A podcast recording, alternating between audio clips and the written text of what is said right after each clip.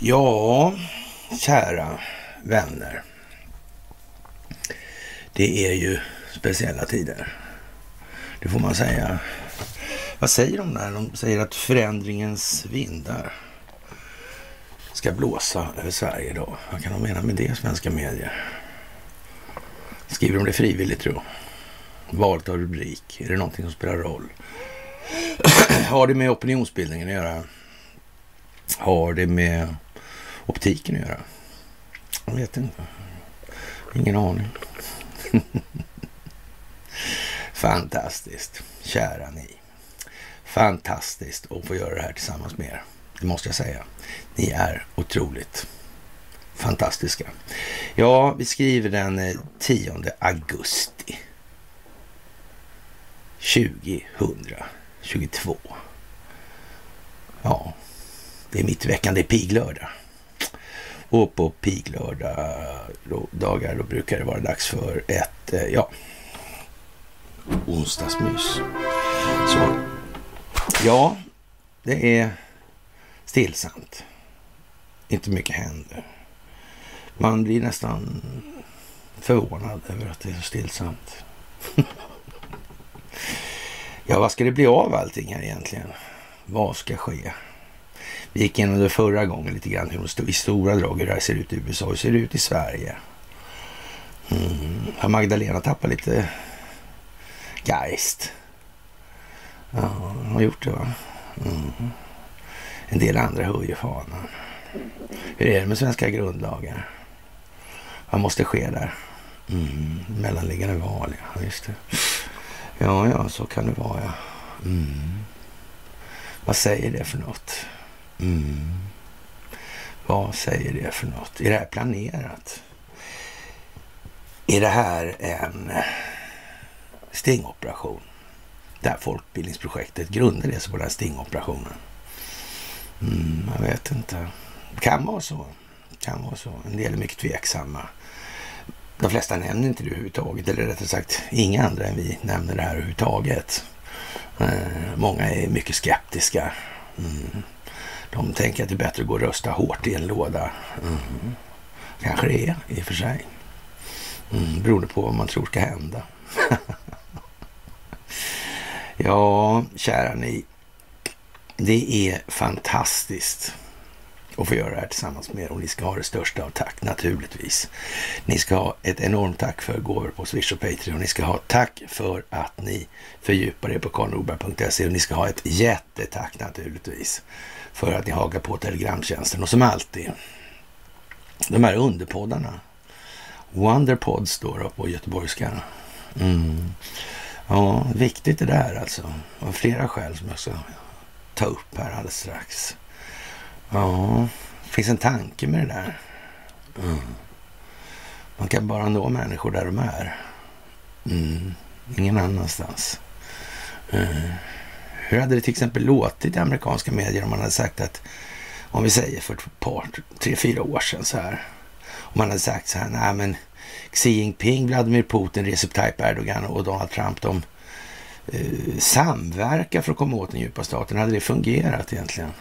Var klimatet, det opinionsbildningsmässiga klimatet alltså, var det moget för den typen av information på den tiden? Eller får man ta det här i delar? Ja,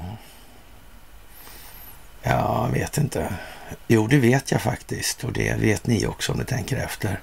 Man får ta det från där människor befinner sig och då får man ta det med så att säga, ja, lite vändningar sådär. Det är nog ingen som på allvar tror att Security Exchange Committee håller på med jättemycket annat än att eh, hålla koll på vilka som handlar med dollarvaluta då. Security Exchange Committee eller Commission då. Mm. Ja, det kan, kan man kan nästan räkna ut. Det är ingenting som bestämmer någon slags bolagsform och sådana här grejer. Nej, det är inte så. Så är det inte. Eh, du får hålla reda på det där med penninghandel och sådär. Men nu har man ju tack och lov då, den säkerhetsfunktionen hade man ju fingrarna på från djupen statens sida tidigare. Men det visste man också tidigare. Det här med skattemyndigheten visste man också från, om från den här sidan som bekämpar den djupa staten. Det såg man på det här exemplet med Louis Lerner och eh, Tea Party-rörelsen. Det var väl inte så mycket att diskutera om hur det var, det tror jag inte. Nej, faktiskt. Det var det inte. Konstigt det där. Mm. Och här i Sverige då, är det fantastiskt i Pride-rörelsen? Ja.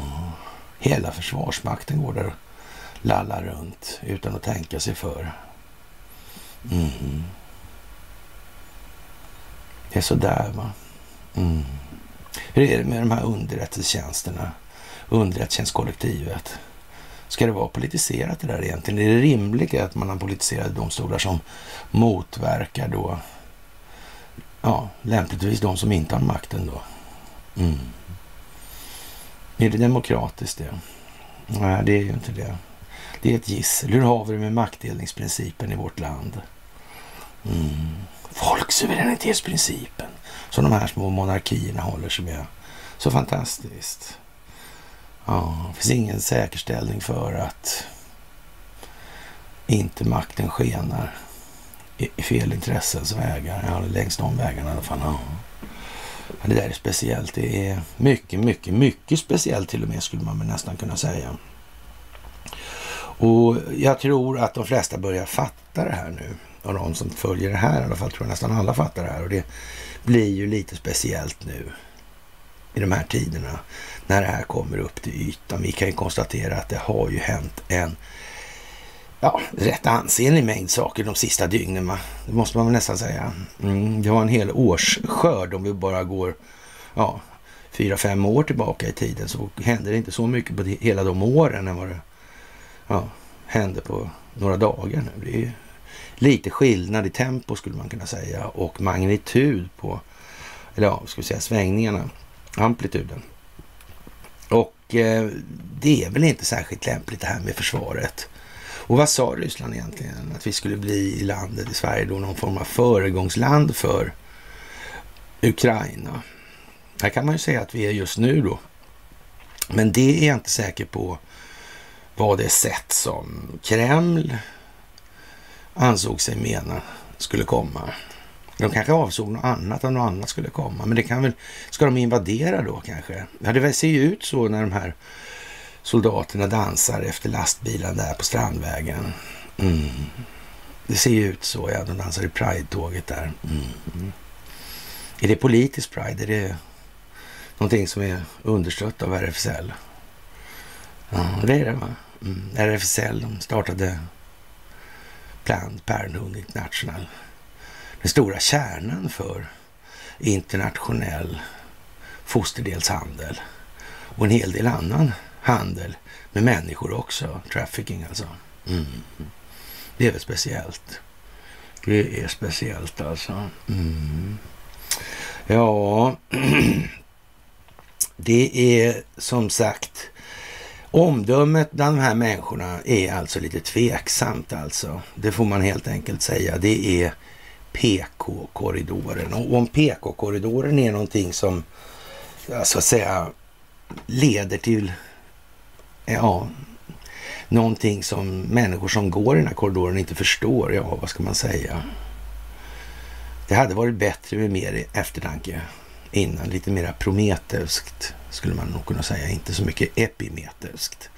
För att ta sikte på några gamla, ja, urtida sagor ska vi väl kalla det för. Jaha, de här fasonerna som vi har hållit på med i det här landet har naturligtvis spritt sig. Med visst uppsåt alltså, över hela jorden. Och hur kommer det sig egentligen att 184 länder alltså går med på att ge bort sin, eller sitt centrala nervsystem till ett telefonbolag sådär från Sverige? Hur kommer det sig? Varför ingen enda som motkämpar eller motsatt sig det här?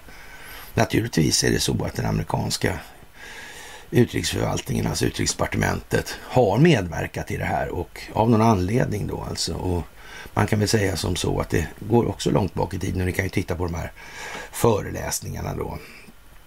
Ja. Och som sagt, det är inte läge att ta för stora steg och tuggor i början. Då får man anpassa sig lite och då ja, jag vet själv att för många år sedan så skrev jag att det, vi får säga att det är Rothschild helt enkelt så. Alltså det, det går ju fan inte det här alltså. Mm. Men jag tror jag begrep det där och rätt så långt innan alltså att nej, nej, nej, nej, nej, nej. Nu är jag i och för sig en bakgrund i det eh, sammanhanget så jag känner väl till en del om underrättelsetjänster och sådana här saker då. Mm. Det har alltid legat nära så att säga. Men eh, ja, det gick inte annars. Det räckte inte med att vara Kryger kan jag upplysa. Det hjälpte, det hjälpte inte heller bara att babbla om monetärmekanik så fall, som jag höll på med 2010 där. Alltså det, det var tämligen dödfött liksom. Mm, man får ta det därifrån. Man har någonting att nå helt enkelt. Mm, och då får man helt enkelt finna sig i att ja, då kan det ibland vara nödvändigt att säga liksom att det är både mystiskt och konstigt. Men du vet, det är också konstigt det här med att man tror på allvar att en, äh, ja, en rätt så uppenbar marionettfamilj, Rothschild då till exempel, skulle ha någonting att säga till om gentemot det ja, rätt så starka underrättelsetjänstkollektiv som faktiskt har tagit ihjäl en och annan statschef. Jag, jag, vet inte om det liksom är riktigt kompatibelt. Nej.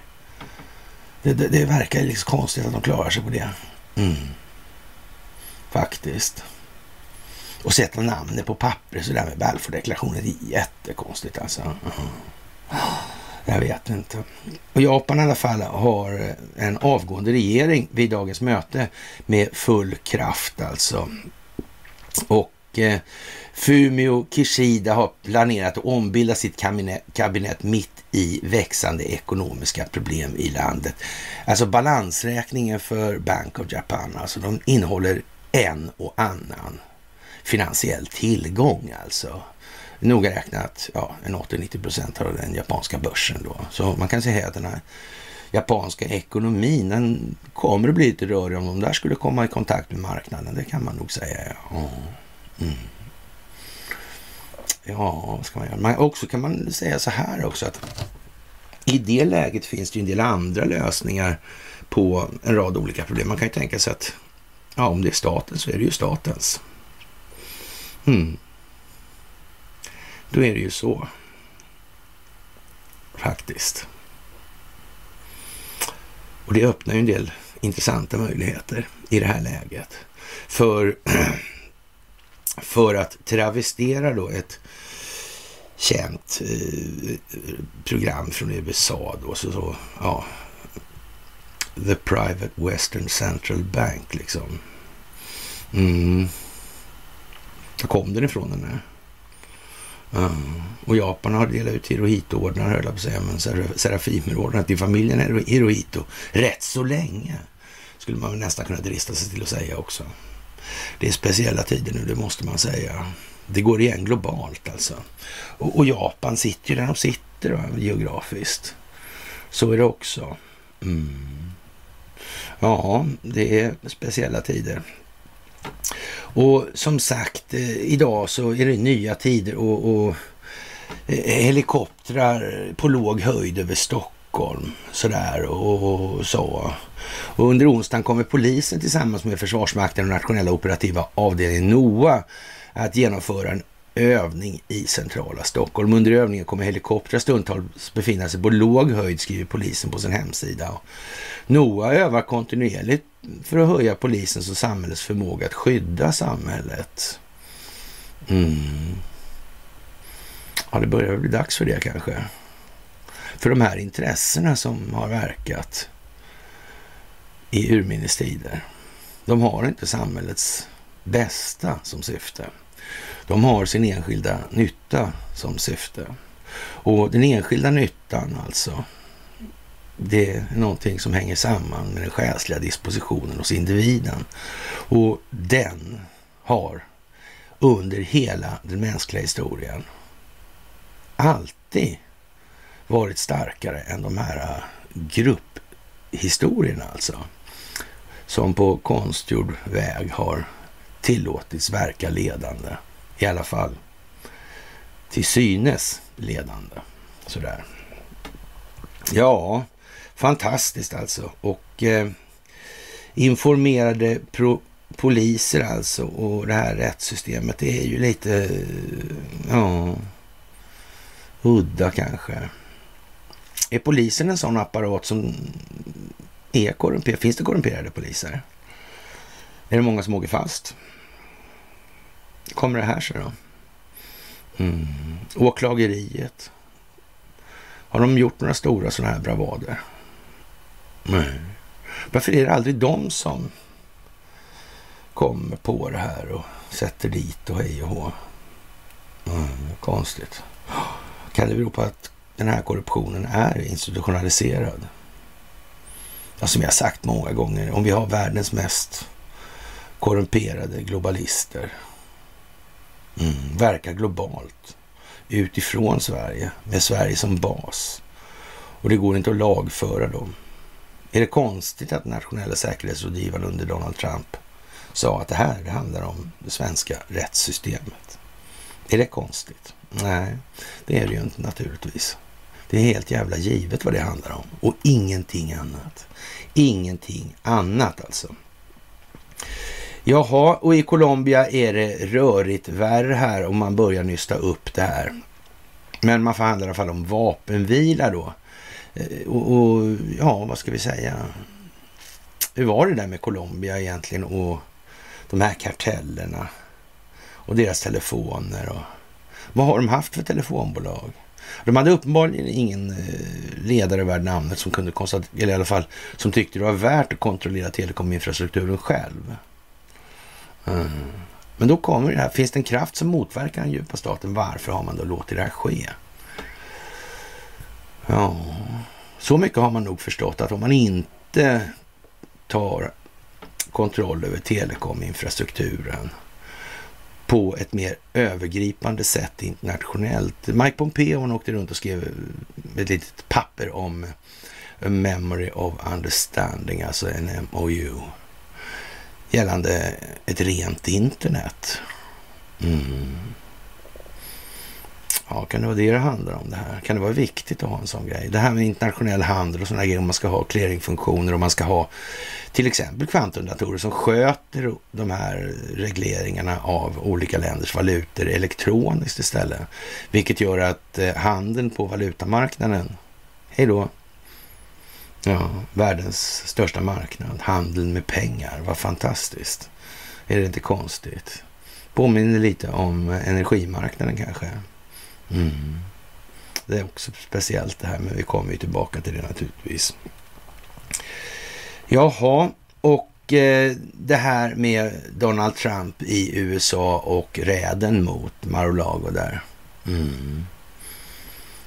Det är ju speciellt. Alltså man ska vara försiktig med vad man önskar sig. Tänk om de hittar någonting då. Mm. För man kan nog vara rätt säker på att det finns några FBI-agenter kvar i alla fall. Som är värda sitt salt. Mm. Och Christopher Ray, han är ju som sagt, han sålde ju ut Hunter Biden där häromdagen i förhören i senat och kongress. Vad alltså, sa han för någonting? Han sa att eh, påverkansoperationer av främmande makt, alltså Kina, avsåg han då. Mm, och det gällde de här pengarna som Hunter Biden har fått och, och som uh, the big guy har fått del av. Mm. Verkar det särskilt lämpligt? Nej. Och nu höjs röster för att man ska terroristklassa Kinas kommunistiska parti här. Mm. Är det bra då att ha fått betalt av dem? Kanske. Om det skulle bli en terroristklassning på dem. Det är seriöst. Ja, jag vet inte om det är så jävla seriöst. Det ger inget så vidare seriöst intryck i alla fall. Det är jag helt säker på. Men, men eh, vi kan ha fel. Jag kan ha fel i alla fall i den delen. Ja. Ja, och sen är det ju det där liksom, om man nu kan eh, göra tillslag då husesar på gamla presidenter. Mm. Ja, vem vet vad man kan hitta då? Vem vet vad man kan hitta då, ja ja. För det kan ju vara så att gamla presidenter har ja, dokumenterat förlopp, händelser, individer för att skydda sig själva. Mm. För det här med underrättelsetjänstkollektivet, det är vad det är i den meningen. De har ju en tendens att, så att säga, sopa igen spåren och nu har man ju hållit på med den här stingoperationen väldigt, väldigt länge och i sitt, så att säga, ja, utåt exekverande skede sen Donald Trump blev president här alltså. Ja. Mm. Och man lät ju det här ske då 2020, den 3 november, för att kunna dokumentera hela förloppet. Mm. Samla in bevisning och få ner det här på djupet ytterligare. Ett sista ryck. Mm. Och nu i mellanårsvalet den 3 november så kommer det här att effektueras. Valfusket är inte möjligt längre. Då har man stängt igen den möjligheten. Mm. Sverige har inte stängt någon sån möjlighet. Det svenska folket tror fortfarande att de har schyssta val. Och det kan man väl säga så här att man från den sida som bekämpar den djupa staten överhuvudtaget låter det komma på fråga att vi ska ha ett val är väl inget kanske smickrande betyg alltså för sin omvärldsförståelse vad det gäller den svenska befolkningen i alla fall. Mm, så är det ju. Det kanske man också ska minnas nu i det här läget och vara lite, lite mer ödmjuk med vad svensken traditionellt kan uppfattas vara då i sin självgodhet. Jaha, och ryssarna sammankallar säkerhetsrådet över den här katastrofen med Eh, kärnkraftverket i Ukraina alltså. Och, och, ja, vem är det som skjuter på det här kärnkraftverket egentligen? Mm. Eh, det pratar man inte så mycket om, men det kontrolleras ju av Ryssland. Skjuter de på sig själva alltså? Mm, jag vet inte, är det lämpligt det där? Nej, jag vet inte. Men västvärlden protesterar ju inte av någon anledning. Hur är det egentligen med de här eh, verksamheterna i Ukraina som Ryssland eh, gav sig på, alltså de här eller biokemlabben och kärnkraftverken och så. Vad har man gjort där egentligen? Mm. Så har Sverige någonting med det där att göra, tror mm. ABB Westinghouse kanske, Bränslegatan 1 i Västerås. Kan det, ha, kan det finnas samröre? Kan det finnas inblandning i den meningen? Det är väl lite oklart hur det förhåller sig. I alla fall i svenska medier fortfarande. Mm. Men vi får väl se om de kanske fattar galoppen som man så vackert säger i det här. Mm.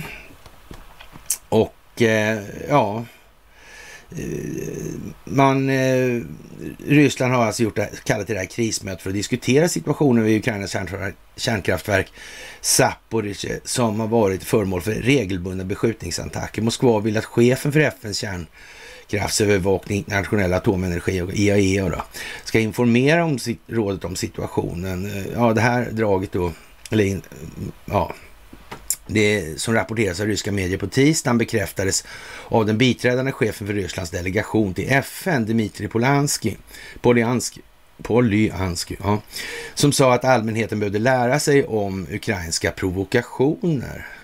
Mötet beräknas äga rum imorgon på torsdagen alltså. Mm. Ja, Ryssland säger att Ukraina har varit ansvarigt för en rad drönarattacker och artilleriangrepp på kärnkraftsverket. Den senaste beskjutningen rapporterades förra helgen. Eh, verkar det rimligt? Det är alltså ryssarna som skjuter på sig själva för att jävlas med Ukraina i allmänhetens ögon alltså. Ja, Kiev förnekar anklagelserna såklart och hävdar att Ryssland har beskjutit själva anläggningen för att misskreditera Ukraina givetvis. Kievs nationella säkerhetsråd har också hävdat att Moskva använde kärnkraftverket som en militärbas och höll tunga vapen och personal där givetvis alltså. Och IAEA har inte haft tillgång till platsen eh, sedan innan den eh, rysk-ukrainska konflikten eskalerade i landet i slutet av februari och förlitar sig på rapporter från Ukraina för att bedöma situationen på plats alltså. Ja, det låter ju seriöst alltså. Det måste man ju säga ändå alltså. Det gör det ju. Mm. Han verkar ju seriös den här Zelenskyj, det får man ge honom alltså. Ja, konstigt det där. Ja. Och eh, ja, på lördagen uttryckte generaldirektör Rafael Mariano Grossi IAEAs oro för de här artilleriattackerna uppgav att de underströk den mycket verkliga risken för en kärnvapenkatastrof som kan hota folkhälsan och miljön i och utanför Ukraina. Mm. Vad sa Donald Trump då? Mm. Vi måste rusta upp våra kärnvapen och vår kärnvapenarsenal tills dess att människor förstår den verkliga innebörden av atomvapnet. Mm. Och så var det det där med uranbomber och fissionsbomber eller fusionsbomber. Mm. Radioaktiviteten. Det här är ju någonting som inte riktigt kommit fram än, men det kommer, det kommer. Need no, no worry för den sakens skull alltså. Ja, det är naturligtvis snudd på dråpligt, men eh, ja, ryska diplomater och militära tjänstemän uppgav att attacken mot Zaporizjzja kraftverket då kan resultera i en katastrof som är värre än Tjernobylreaktorsmältningen och ångexplosionen 86. Mm. Och då reser sig frågan, hur var det där egentligen? Ja, Becquerelhalten gick ju inte ens hem i Sverige på alla håll. Det var ju de som tog den gamla älgsteken från året innan och skickade in den på analys. Mm. Och sen skickade de in en älgstek från efter. Vi kan aldrig gissa vad det var mest becquerellisar. Mm. Det är lustigt hur det kunde bli så. Konstigt. Jävla mormor. Ja. Misstänksam kärring det där. Jaha, och eh, nu är väl tiden då mogen kanske att släppa den här kunskapsbomben om kärnkraften och, och så att säga atombomben och lagring och det måste vara en av historiens värsta rövarhistorier helt enkelt. Det är nog inte annat att ha Sverige avits, ha ju det här med Christian Birkeland och familjen Wallenberg, Norsk Hydro och så vidare och så vidare. Mm. Lise Meitner, Manhattanprojektet, Ljungaverk, tungvatten, mm. axelmakternas kärnvapenforskning och så vidare. Mm. mm. Ja, hur långt fram låg man egentligen när man släppte det här? Mm. Hur har det använts för att skapa momentum för olika geopolitiska utvecklingsförlopp? Vem har gynnats? Mm. Konstigt. Jättekonstigt. Eller så är det ju inte så konstigt, så är det ju ganska lätt då, men det får vi ju ta för vad det är just nu. Ja, och eh, vi har konstaterat då att man rensar ju ganska så ordentligt i USA och den här domaren som undertecknar eh, Marolagos hu husrans, sin där alltså. Så, som, eh, ja han verkar ju, han utsågs ju ändå av Donald Trump. Men det måste väl nästan vara så att Donald Trump måste ha fattat någonting i den meningen. Eller var det inte så? Jag tror det. Han måste ju ha fattat någonting i den delen. Det går ju inte annars. Nej. Ändå utsåg han den här domaren. Ja. Hur var det med den där boken då? Epsteins bok. Som bara, kanske bara försvann, eller hur var det? Jag kommer tillbaka till den också. Ja. Det är ju extremt konstigt skulle jag säga. Och ja, det, det, om det fanns några frågor om huruvida FBI-razzian mot Donald Trumps Mar-a-Lago-residens var full av korruption eller inte borde detaljer för husrannsakan som godkänner den här röja alla tvivel om den saken. Det verkar ju lite märkligt. Alltså kanske det var meningen helt enkelt. Ja, och han hade inget val helt enkelt. Han hade annat i bagaget. Kanske han hade med den här boken att göra. Ja, det kan ju vara så. Det kan ju vara så. Ja, det är en stingoperation som sagt. Det får man inte glömma bort i det här. Nej. Och den är planlagd sedan lång, lång tid tillbaka. Faktiskt. Och det kan vi liksom inte komma undan, eller runt skulle vi säga, för att tänka på Engström sådär och Skandiahuset och Stay Behind. Och, ja, utan personligt ansvar kanske. En bok som kommer här i dagarna. Mm lustigt ord. handlar om korruptionen i sammanhanget med Palmemordet. Mm. Det verkar som det kokar ihop ändå på något vis. Vi får se, vi får se. Spännande tider. Ja. Och eh, det här är lite lustigt. Alltså domaren som skrev under på husrannsakan var Bruce E. Reinhardt, domare för USA, ja, eh, Southern District of Florida. Och innan han tillträdde sitt ämbete som federal domare var han advokat och representerade medarbetare till Jeffrey Epstein som var inblandad i hans konspiration för människohandel. Eh, nämligen då Sarah Kellen och Nadja Marsinkova. Och, och, det kan man väl, ja, det var väl lite oturligt här och ja, hur får man en advokat att ställa upp på det här egentligen? Pengarna såklart alltså. Mm.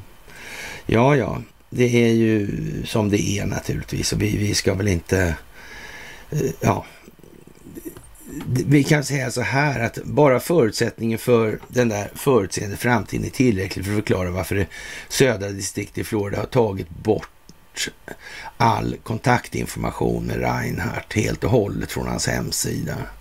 Eh, en handling som fungerar som ett tyst erkännande av den uppenbara korruption bakom husrannsakan som han skrev på. Alltså, ja. Kan det vara meningen det när han utsågs det här rent ut sagt? Kan det vara så jävla noga planerat? Jag vet inte. Undrar om det här militärerna i Pride-tåget har riktigt klart för sig hur de blev spelade. Eh, de har liksom inte kommit på att de är som fioler som någon spelar på. Snart kommer de konstatera att de ser ut som fiollådor i ansiktet också. Mm, så är det ju. Det blir ett ganska bryskt uppvaknande för väldigt många. Så är det också. Det är meningen. Det är precis som Donald Trump sa en gång.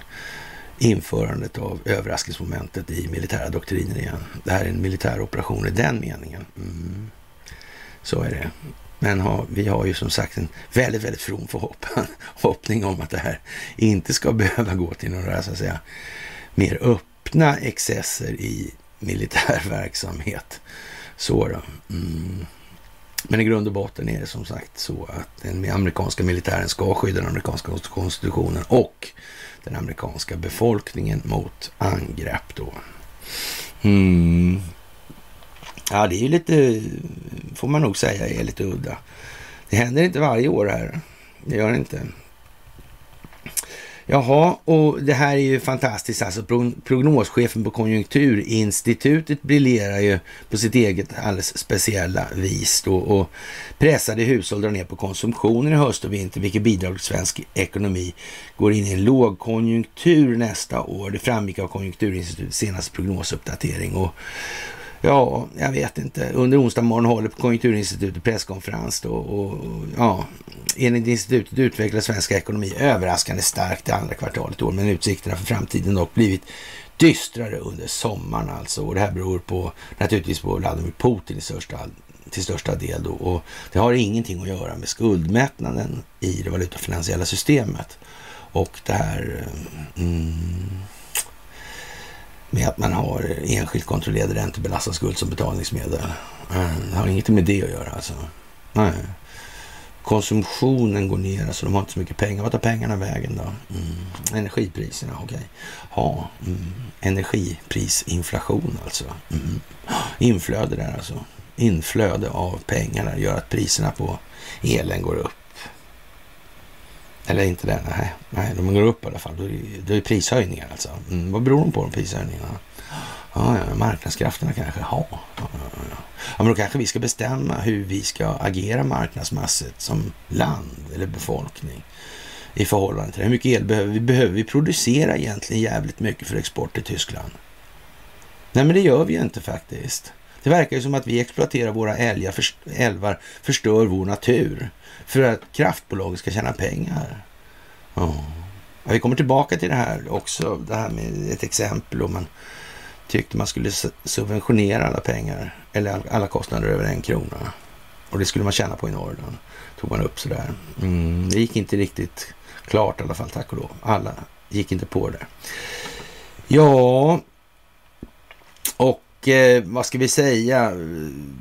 Det här Kina tycker väl att det får vara lite färdigkacklat om det här med Taiwan. Alltså, de tycker att det här med ja, utländsk inblandning innebär att Peking måste behålla våld som ett alternativ, beskriver man då. Och Peking vill ha en fredlig återförening med Taiwan, men eh, främmande makter som blandar sig i kinesiska inrikes, inrikes angelägenheter och uppmuntrar utbrytning på den självständiga, självständigt styrda ön kan göra detta omöjligt, har en kinesisk ja, skrift sagt då. Och vi kommer att arbeta med största uppriktighet och göra våra yttersta ansträngningar för att uppnå en fredlig återförening, men vi kommer inte avstå från att använda våld. Och vi förbehåller oss möjligheten att vidta alla nödvändiga åtgärder, enligt i typ policydokument som släpptes på onsdagen idag alltså. Mm. Vi är ju i ganska korta tidsspann nu skulle man kunna säga. De hinner inte mer än landa så ska de ut och vara färdiganalyserade. Det, det är lite annat det här än eh, ja, 2014 kan vi säga. Det går lite snabbare nu helt enkelt. Och den här lilla skriften publicerades en vecka efter att talmannen för amerikanska representanthuset Nancy Pansy Fancy eh, besökte Taiwan trots invändningar från Peking. Resan utlöste en diplomatisk kris mellan de två nationerna och fick Kina att starta militära övningar runt ön alltså. Ja, det där är ju speciellt alltså. Mm. Vi får se hur långt det behöver gå. Men det kommer att gå så långt det behöver, så kan vi säga. Och andra alternativ, de blir allt svårare att upptäcka helt enkelt. Och Eh, den ryska hackergruppen Killnet tillkännagav ett hack då av, den Amerika av webbplatsen för det amerikanska företaget Lockheed Martin. Det är ett militärindustriellt komplexföretag alltså. Och som i synnerhet tillverkar och levererar HIMARS och MLRS då, och Javelin PV-vapen alltså till Ukraina. Eh, ja, för närvarande fungerar inte auktoriseringen för anställda auktoriseringssystem som använder ett NASA smartkort. Killnet kunde också få uppgifter om alla kandidater för ett jobb på ett amerikanskt försvarsföretag. Lockheed Martins hemsida gick också ner i det här. Mm. Ja, man, kan någon ha tänkt på de här grejerna? Kan det vara planerat? Vem kan det vara? Mm. Alla människor i statsförvaltningarna är inte kompletta idioter eh, och egennyttiga svin. Så är det också. Men det är uppenbart så att vi kommer från en historieskrivning av en anledning. Och bryta det här på egen hand, det låter sig inte göras sådär utan ja, så att säga, rätt påtagliga konsekvenser. Och det får man minnas nu alltså. Helt jävla säkert alltså. Och med coronan runt huvudet då så ringer nu gonggongen alltså. Det är, idag så börjar det väl då blåsa i Sverige. Ja, om vi ser det eller inte, det återstår väl att se då. Men det ser ju lovande ut så att säga.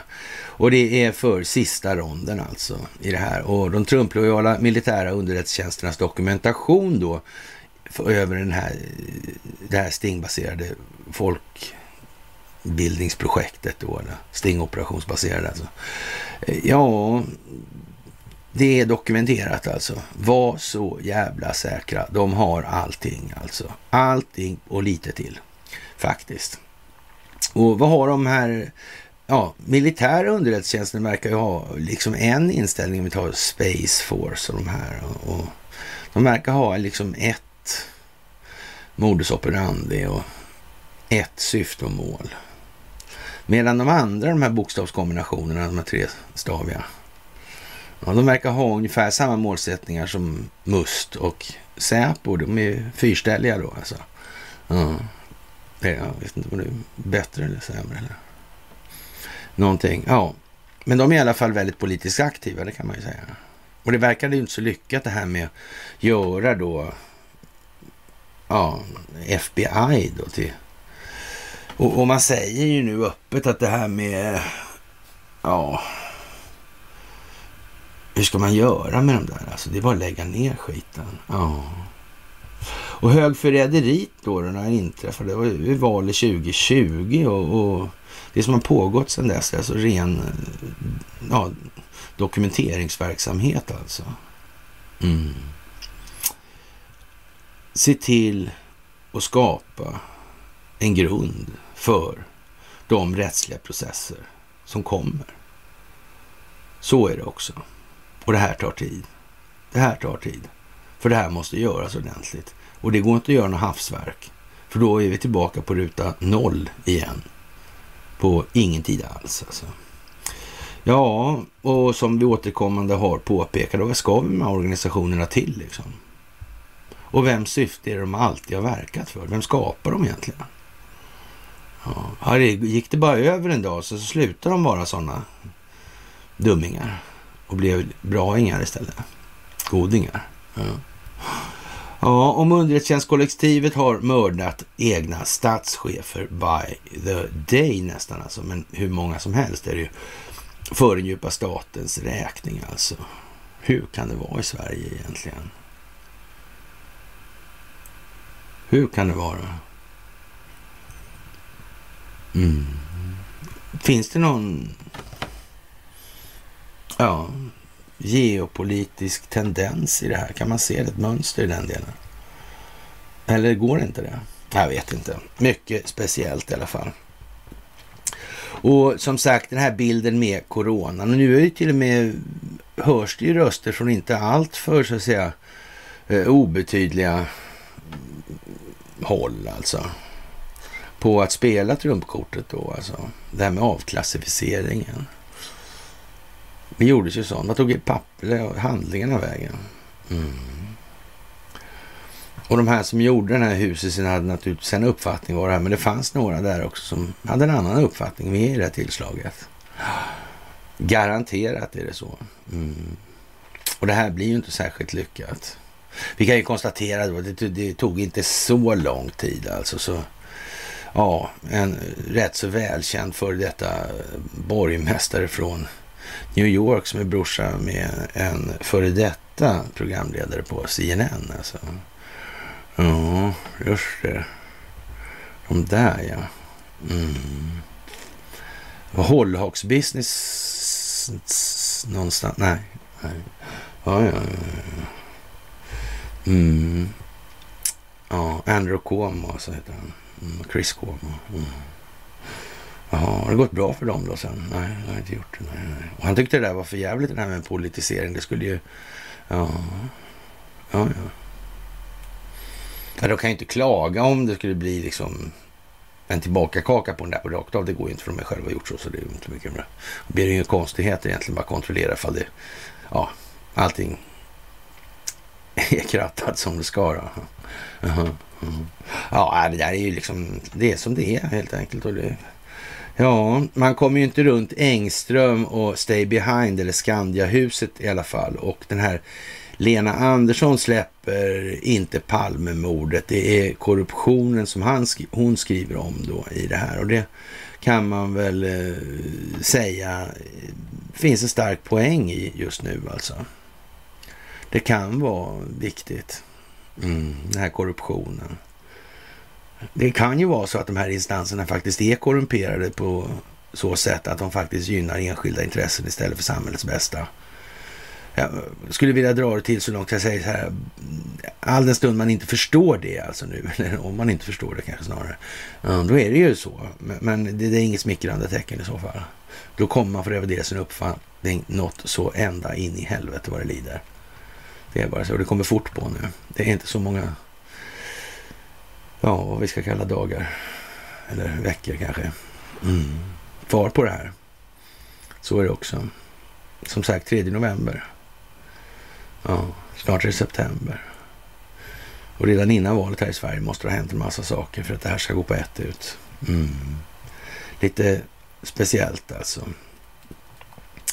Ja, i eh, stora drag så, så, får man nog säga att det har aldrig varit värre än nu alltså. Och eh, Ringhals eh, Vattenfall publicerar en utredning angående eh, ja, nulägesanalys och genomförd modernisering samt bedömning av potentiella åtgärdsbehov för 45, 50 respektive 60 års drift då gäller Ringhals. Mm ja, verkar inte så tokigt det där alltså. Mm.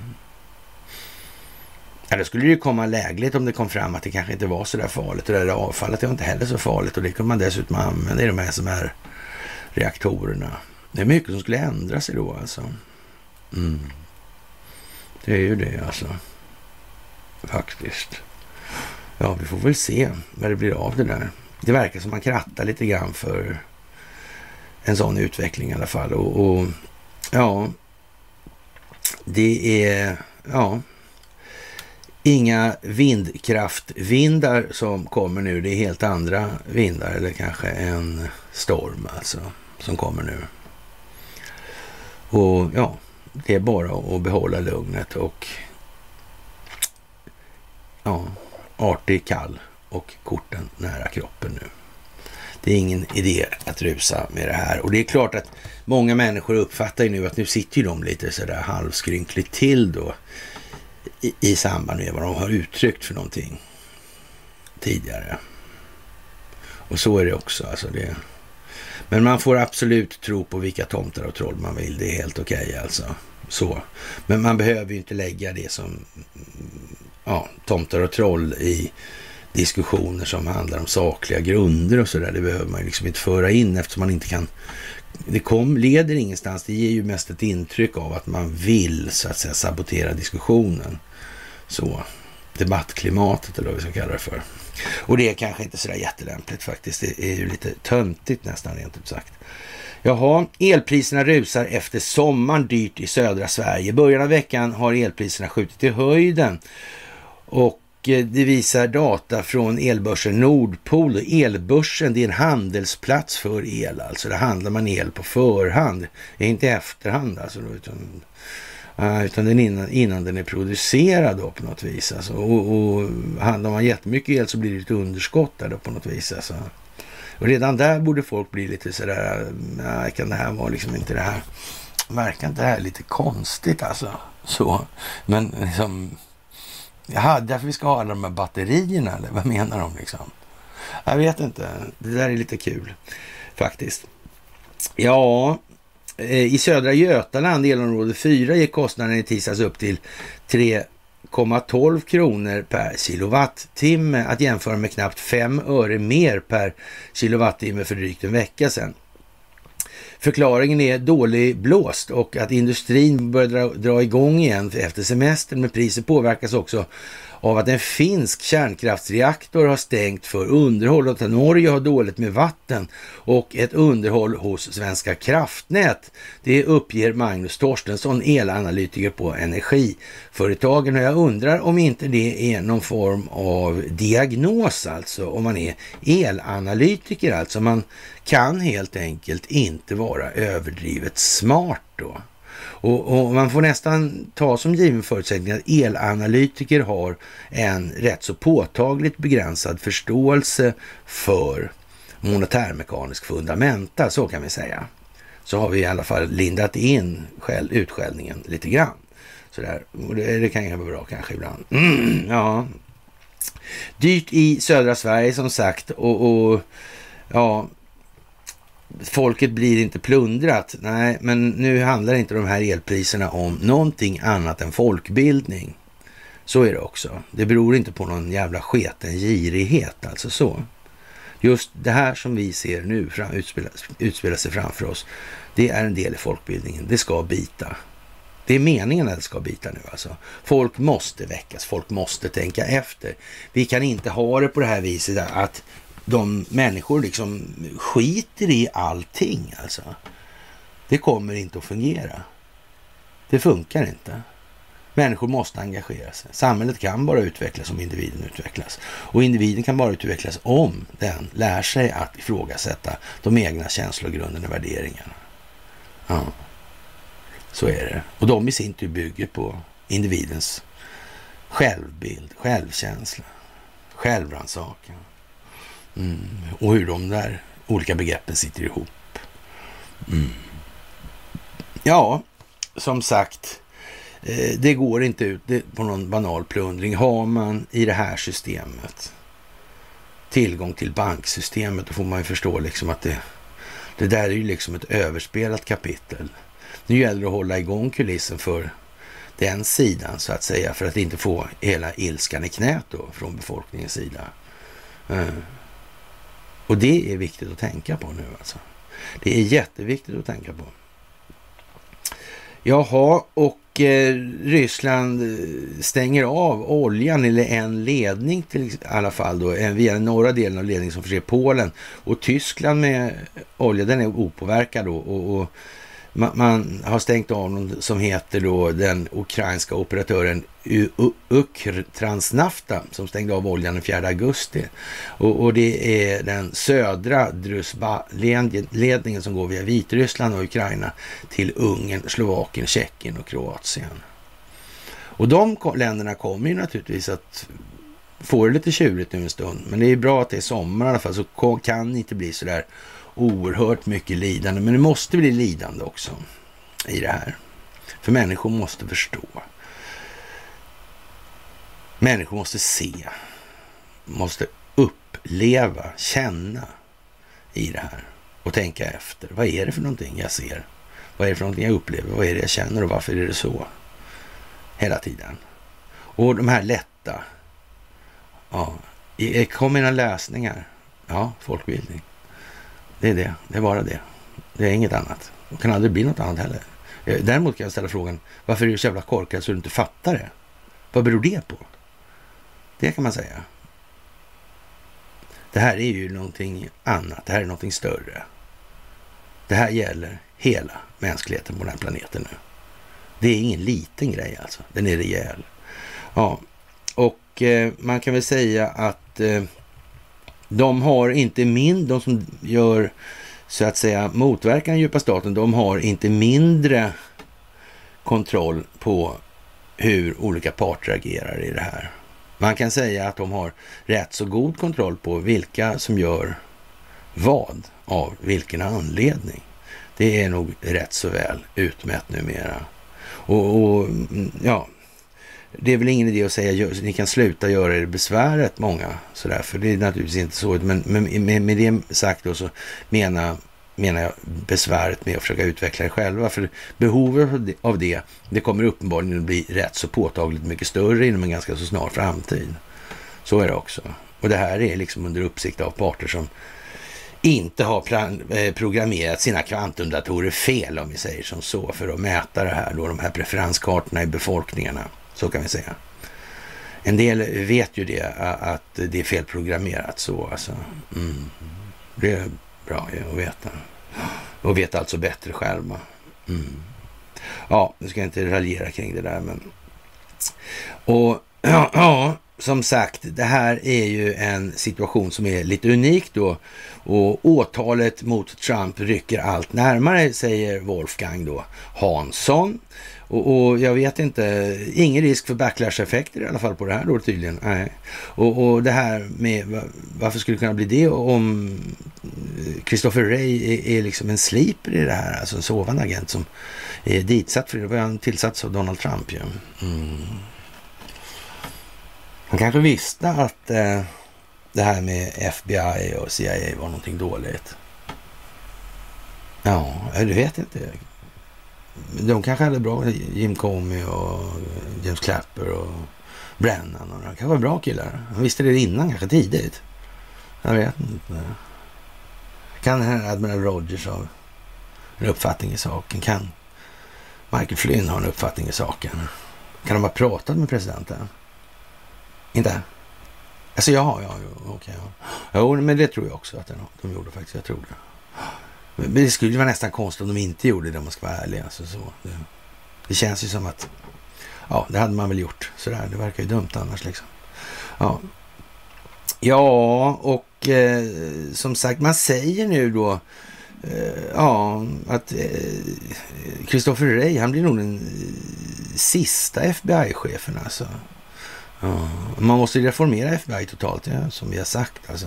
Vad ska vi med dem där till? Alltså, det, är det. det ligger ju liksom i det paketet. Ja.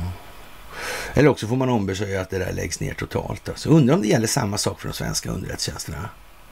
Jag undrar hur det är egentligen.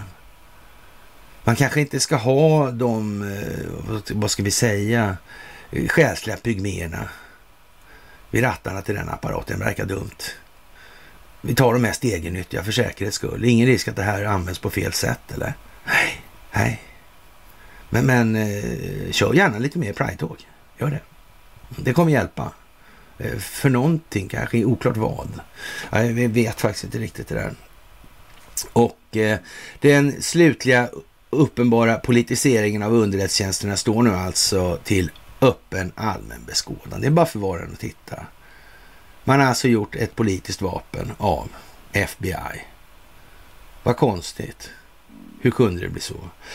Husrannsakan i ex-presidenten Donald Trumps bostad är ett tydligt tecken på att, åt, att åtal kan vänta. Eh, ja, men vänta. Eh, det kommer inte att bli... Eh, det kommer ta lång tid innan det blir åtal. Hur fan skriver han sådär för, Wolfgang? Vad menar han? Eller?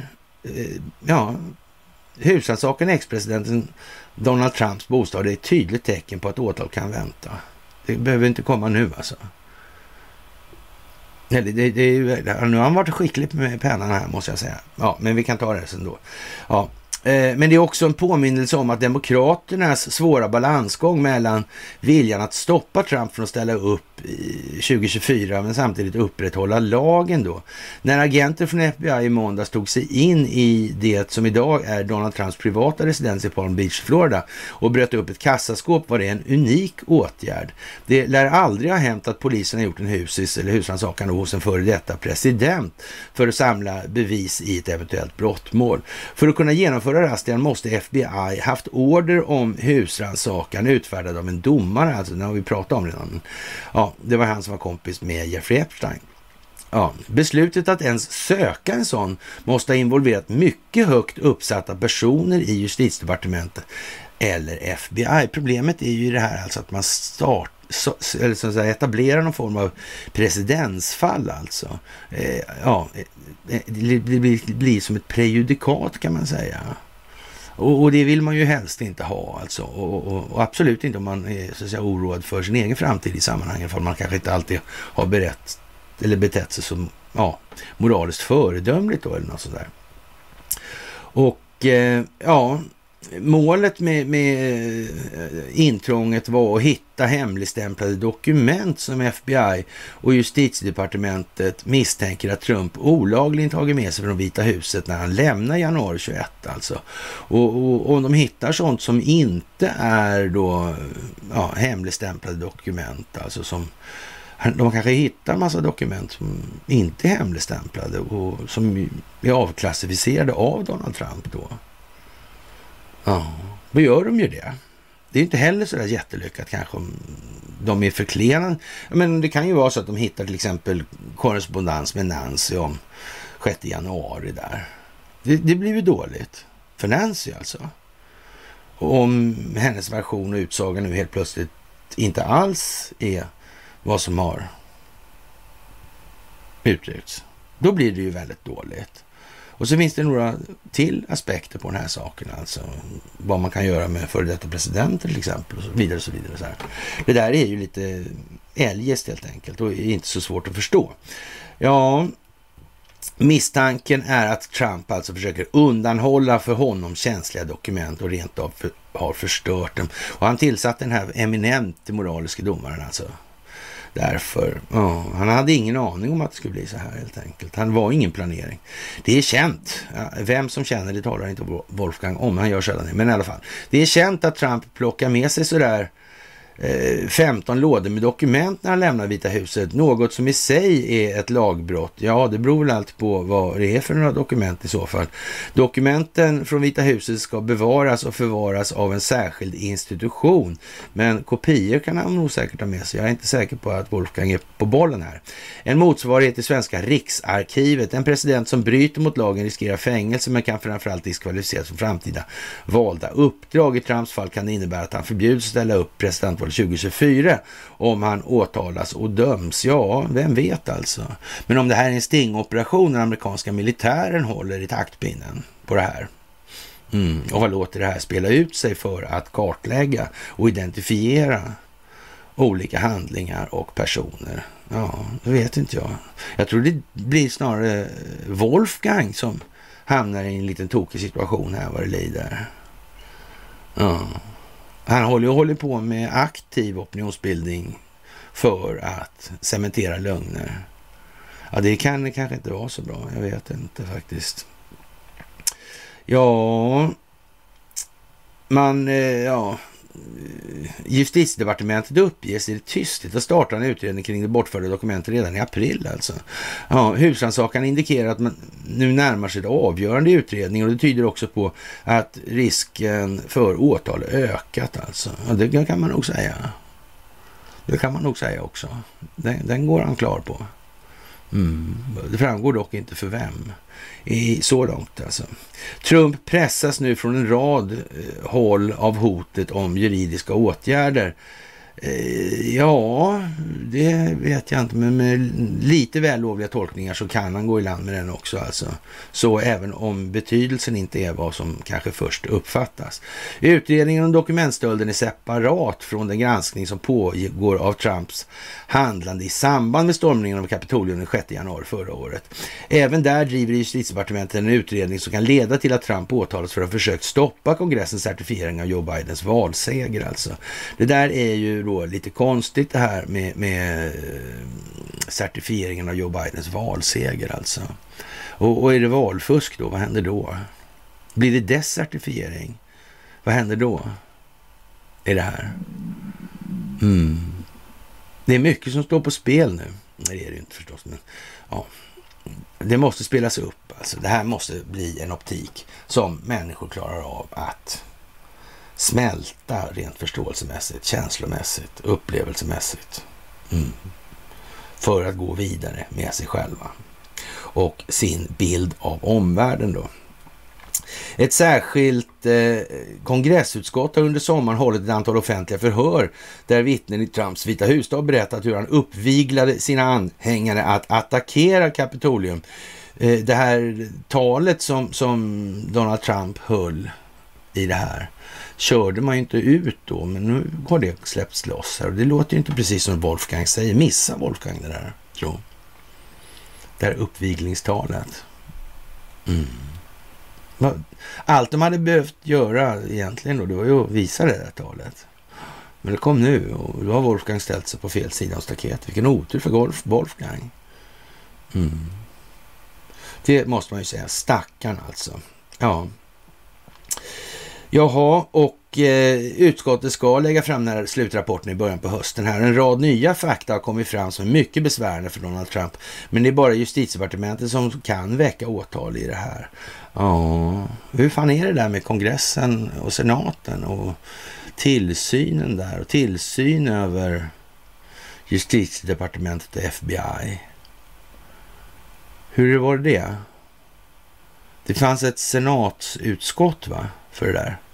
Som satt ovanpå justitiedepartementet och FBI i tillsyn då. Aha, det är där Lindsey Graham är med har jag för mig. Ja, just det, så är det ja. Så är det. Ja, ja. Aha. Och just nu så är FBI lite aktuella med det här då. då. Mm. Men den här konstiga Raid, Raid som Ja, först så säljer han ut eh, Hunter Biden liksom, och Joe Biden så det räcker och blir över. Ja. Ja. Och sen gör man räd mot Donald Trump. Ja. Konstigt. Ja. Men som sagt, han är en sliper. Det är han. Mm. Ja, ja, ja, ja, ja. Justitiedepartementet också. Ja. Mm. ja, det blir ju svårt det där om det är militären som bestämmer. Mm. Och de plockar av utredningsrätten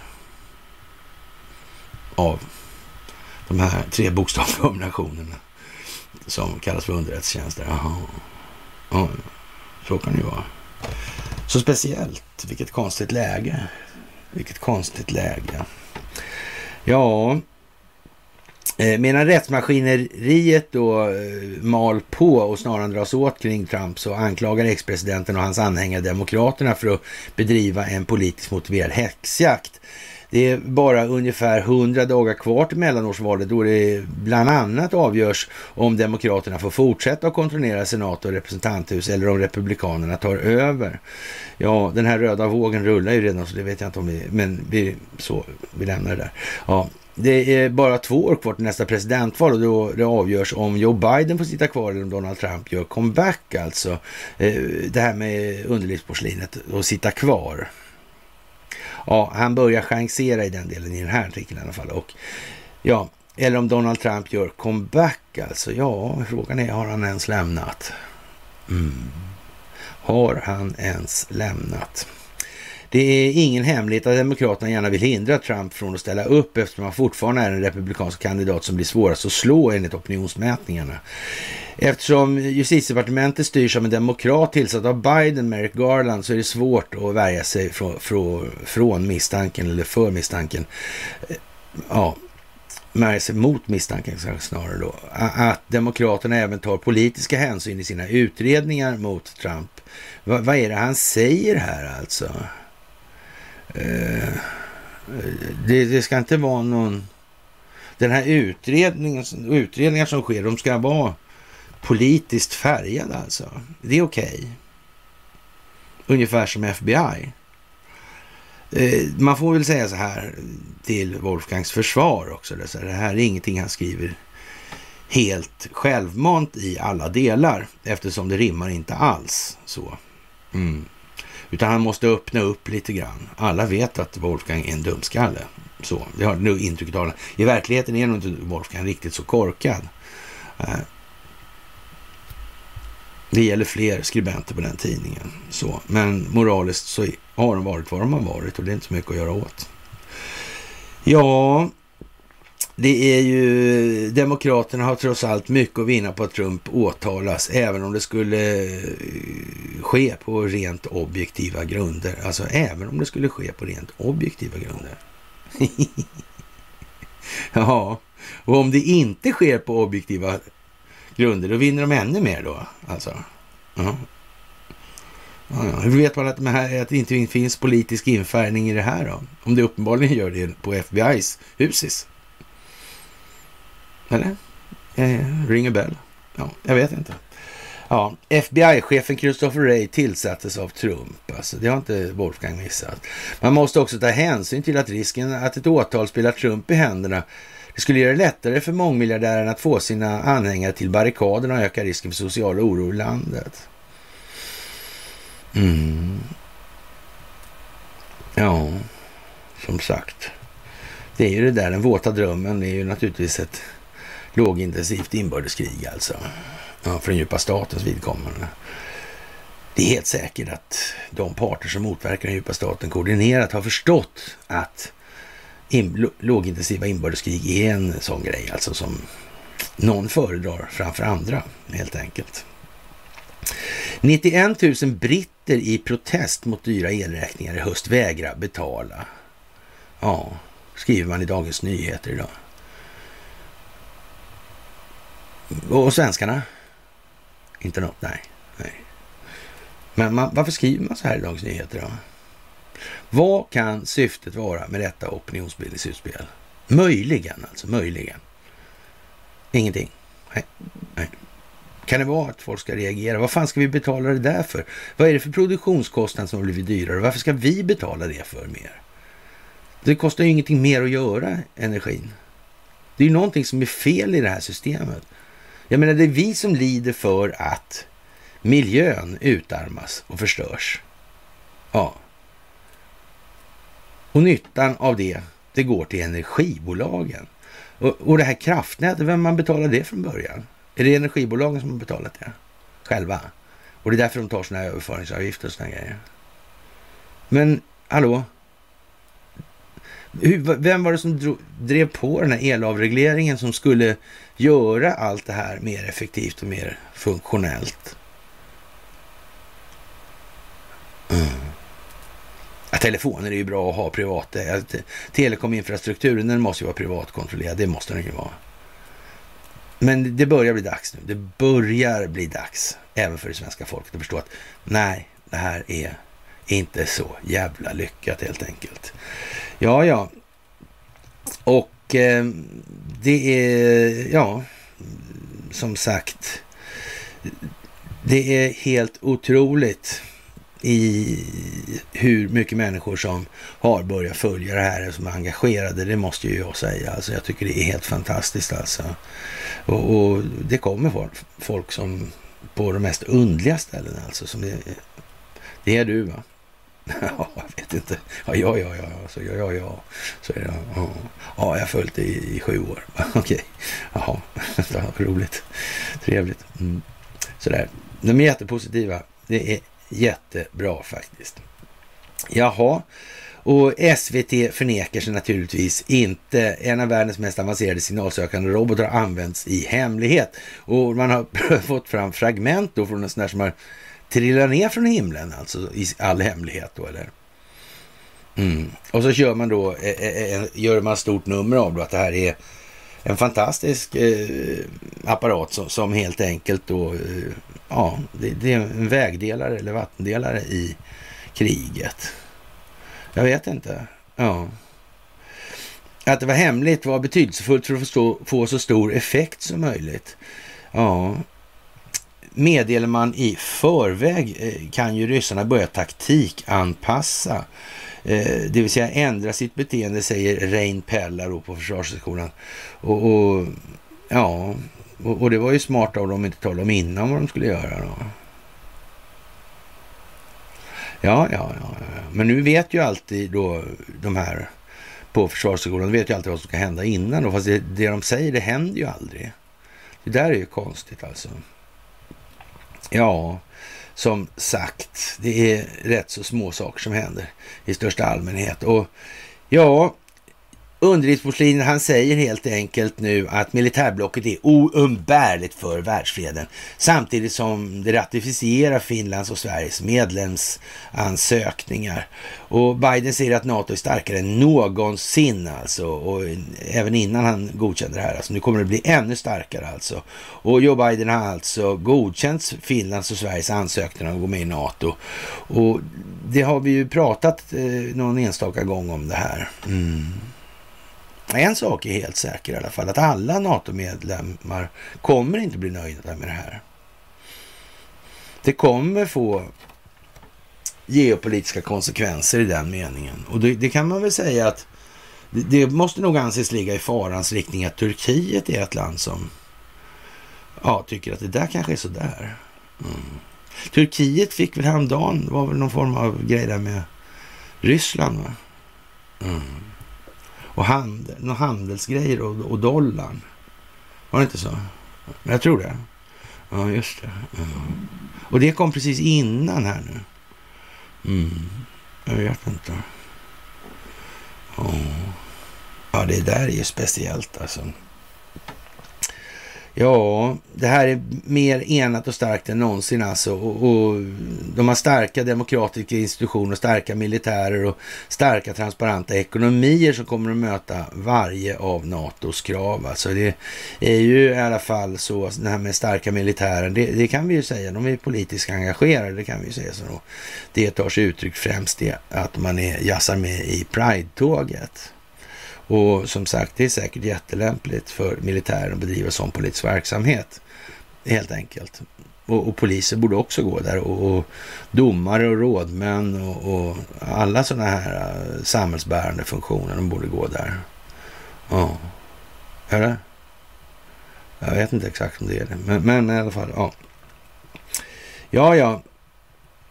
Och eh, ja, mer än 20 av NATOs 30 medlemmar har ratificerat den här anslutningsfrågan och, och, och ja, man, som egentligen då kräver att man erhåller då enhåll, on, enhälligt samtycke från alliansen för att man ska få gå med då. Och Turkiet är ju inte sådär jätte, ja, nöjda då och har väl kanske nått no, några typer av överenskommelser. Det framstår ju som lite oklart det där, men förr eller senare så kommer det här effektuera sig till att NATO går den vägen som vi har sagt att NATO ska gå alltså.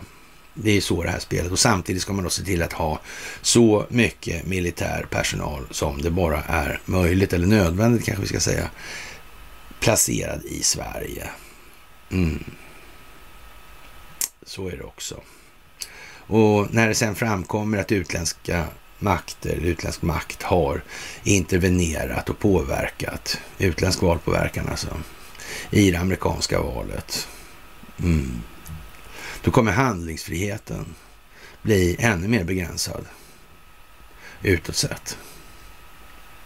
Mm. Så frågan är om vi ska ha något val för att, för att ha till val sen. Då, för att hinna få igenom någon lämplig förändring.